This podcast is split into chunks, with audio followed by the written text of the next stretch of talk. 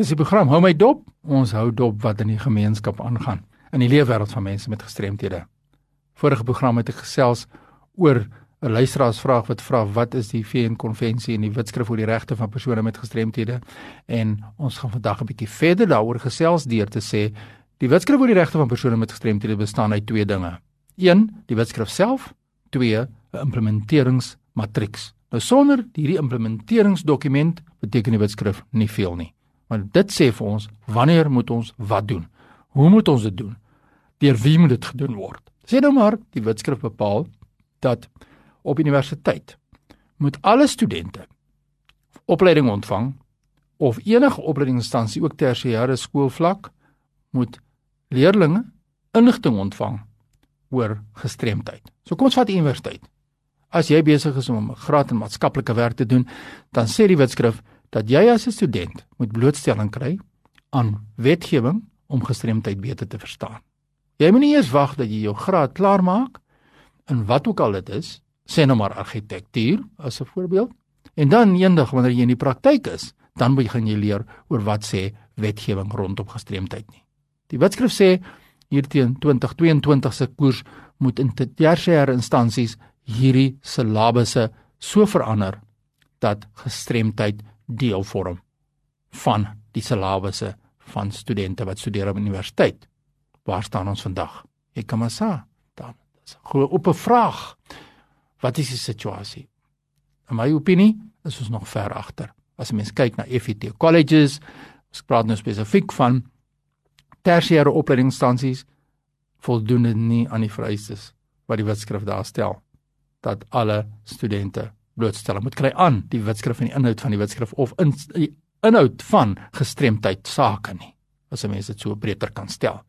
Dit is baie belangrik. So die wetskrif oor die regte van persone met gestremthede wat ek en jy moet ken as politici, as mense wat die wet toepas, mense wat sosiale dienste lewer, as ouers van kinders met gestremthede, as individue met 'n gestremdheid hom of haarself. As ons nie die basiese inligting het oor hoe gestremdheid in Suid-Afrika vanaf 2015 wat die wetskrif geteken is, geïmplementeer moet word nie, dan is ons nou al 5 jaar later en as daar nog steeds soveel tekortkominge. So, die wetskrif sê dit opgradeer alle vorige beleide.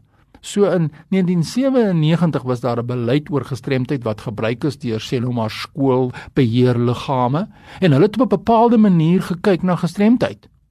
2015 sê daardie dokument wat gebruik was is vervang met hierdie nuwe wetskrif. Ons het nuwe denkrigtinge wat gevolg moet word. Soos wat ons proses ontwikkel en nuwe denkrigtinge na vore kom, het ons met paar honderd mense gekonsulteer en instansies om hierdie wetskrif daar te stel. So julle moet dit volg. Dis 'n opgradering en tweedens dit sê soos ek genoem het vroeër die VN konvensie oor die regte van persone met gestremthede moet gevolg word.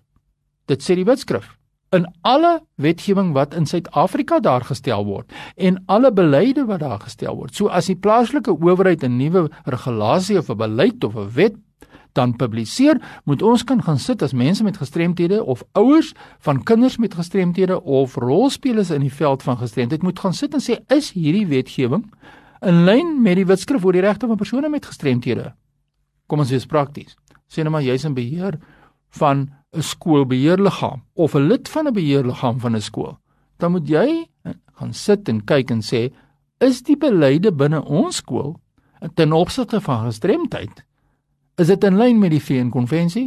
Is dit in lyn met die wetskrif oor die regte van persone met gestremthede wat deur die, die kabinet onderteken is of nie? En dan sê die wetskrif vir ons baie baie duidelik dat hierdie liglyne wat daar gestel is, as daar enige van hulle is wat foutief is, moet dit reggestel word. Ons moet dit verander. So dit is ons opdrag vanaf 2016 tot in die toekoms wanneer dit ook al mag wees.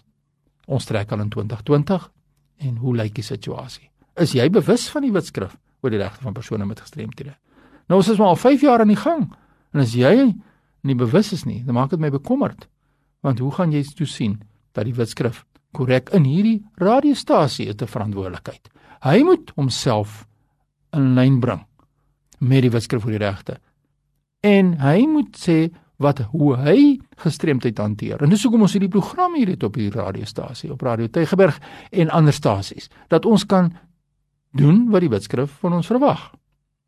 En dan sluit ek af vandag se gesprek deur te sê dat die wetskrif is 'n verantwoordelikheid van die volgende en ek haal die Engels aan soos dit in die wetskrif verskyn. It emphasizes the fact that the primary responsibility for disability equity lies with national, provincial and local government. So dis is die owerhede. Dan gaan dit verder en sê and other sectors of society. So dit is 'n enige sektor in die, in die gemeenskap. En dan gaan dit verder but also allocates responsibilities to persons with disabilities themselves and their families. So as jy die ouer van 'n kind met 'n gestremdheid. Die wetskrif sê baie duidelik vir jou. Jy moet die wetskrif ken. Jy moet belangstel sodat jy kan sien of jou kind die regte behandeling ontvang. Hoe kan jy jou kind in huis bemagtig rondom hy sy of haar gestremdheid as jy self as 'n ouer met alle respek gesê nie eers bewus is van watter regte daardie kind regtig het op skoolvlak daardie kind word groot hy gaan universiteit toe miskien hy gaan werk hy moet bemagtig word vanuit huis rondom wat dit beteken om gestremd te wees nou ongelukkig word gestremdheid soms as 'n vloekwoord geetiketeer en mense wil nie daai woord hoor nie want dit is vir hulle 'n bedreiging. Dit is glad nie 'n bedreiging nie. In volgende program gesels ons oor wat is gestremdheid en hoekom ons gestremdheid moet ondersteun vir dan ons die mense wil help wat dit regtig nodig het.